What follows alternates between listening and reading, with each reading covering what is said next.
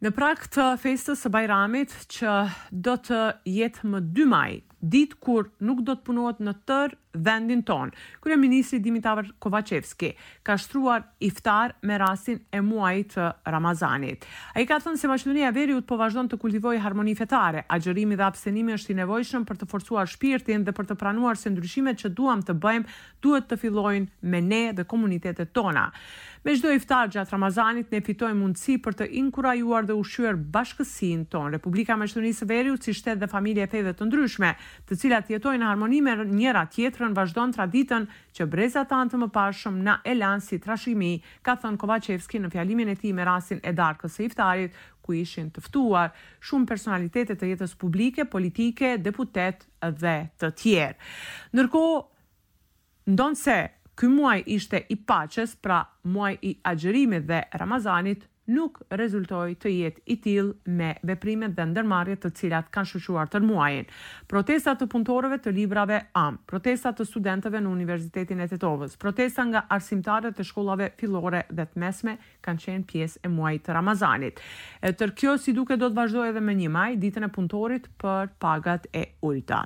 Ajo që është e rëndësishme aktualisht është që Protestat janë ndërprerë, nxënësit e shkollave fillore dhe të mesme janë kthyer në shkolla. Sindikata e Arsimit dhe Shkencës, pas shumë peripetive dhe pas shumë diskutimeve e dialogjeve me Ministrinë e Arsimit respektivisht me ministrin Jeton Shaqiri, ka patur për obligim ligjor që të kthehet në mësimdhënie.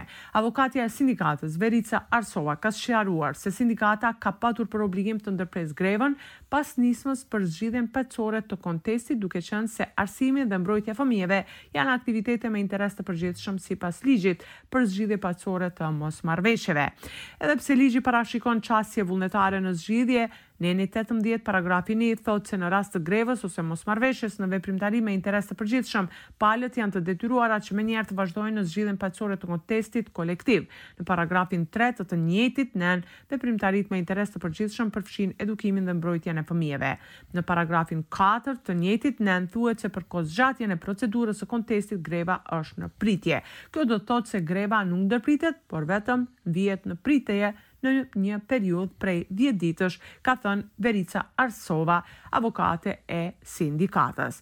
Ndërkaq, kryetari i sindikatës Jakim Nedelkov u ka bërë thirrje mësimdhënësve të mos bien pre manipulimeve të ndryshme që janë në dëm të tyre. Për më tepër ndjekim deklaratën e tij. Fakt e deka ke mora da postapime soglasno zakonot i fakt e deka ke morame shtrajkot. da go stavime vo miruvanje. Këshilli i Sindikatës janë për Respektim të Ligjeve, duke u nisur nga kjo, një pjesë e normave thonë se përderisa zgjat periudha e pajtimit dhe zgjidhjes së kontesteve mes dy palëve që kundërshtojnë njëri-tjetrin, nëse ka grevë, atëherë i njëjti ndërpritet, tha Nedelkov. Mamed Shabani, kryetari i Sindikatës në Shkollën Fillore Ismail Qemali, thotë se pas njëzet ditëve do të kuptohet nëse mësimdhënësit u tradhtuan ose jo. Në rrafshin diplomatik. Do të theksojnë dialogun me Bullgarinë që duhet bazohet në vlerat evropiane, respekt dhe bisedë dinjitoze.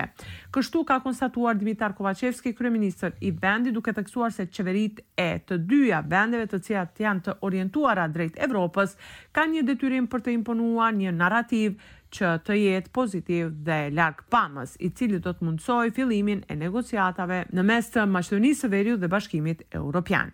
Ndihmëssekretarja amerikane gjithashtu është pritur gjatë kësaj jave nga ministri i Punëve të Jashtme Bujar Osmani në Shkup. Përpara mediave ajo ka thënë se e ardhmja e Maqedonisë është Bashkimi Europian. Për më tepër do të ndjekim deklaratën e Karen Donfried. SHBA-të lavdërojnë Maqedoninë e Veriut për përpjekjet e vazhdueshme në arritjen e ardhmërisë euroatlantike dhe fuqishëm i mbështesin aspiratat tuaja dhe Dëshirojnë sa më shpejt të mbahet kjo konferencë mes Maqedonisë së Veriut dhe Shqipërisë. Ju jeni vonuar për një kohë të gjatë, e keni bërë punën e vështirë dhe keni bërë reformat e nevojshme dhe meritoni që shpejt të përparoni. Ka punë që duhet bërë, por Maqedonia e Veriut e ka vërtetuar se përballon sfidat. Kryeministri Dimitar Kovaçevski shoqëruar nga zëvendëskryeministri për Çështje Europiane, Bojan. Mariçiq është takuar me Komisionarin Europian për Zgjerim dhe Politikë Fqinjësore, Oliver Varhelyi, i cili ka vizituar Shkupin gjatë kësaj jave. Në takim u bisedua për çështjet aktuale lidhur me sfidat e luftës në Ukrainë dhe perspektivat europiane të rajonit. Bashkërisht është konstatuar se integrimi europian i Maqedonisë së Veriut dhe rajonit është nevojë e vendeve në kuadër rajonal, por edhe në vetë Bashkimin Europian. Gjithashtu ekziston pajtueshmëri se tani është momenti për zhbllokim të integrimeve evropiane të Maqedonisë së Veriut, që në të kundërtën mund të mbetet një çështje e hapur për një kohë të gjatë, ndërkaq kjo nuk është në favor të asnjërës palë. Kryeministri Kovaçevski theksoi se mbetet i përkushtuar ekskluzivisht në parimet e respektimit të vlerave evropiane dhe bisedimeve të bazuara në respekt dhe dinjitet, për të cilat janë pajtuar me kryeministrin Petkov gjatë vendosjes së dialogut dhe pret marrëdhënie mbi këtë bazë. Vendi ynë përmbushi detyrimet e tij dhe vazhdon të veprojë plotësisht në përputhje me politikat e Bashkimit Europian, me të cilat edhe një herë tregoi se është një partner i denjë i vendeve evropiane dhe meriton mbajtjen përfundimtare të Konferencës së parë ndërqeveritare me Bashkimin Europian ka përfunduar kryeministri Kovaçevski. E në aspektin kulturor, do të përmendim koncertet e Ansamblit Kombëtar nga Shqipëria që u mbajtën në Shkup dhe në Tetovë.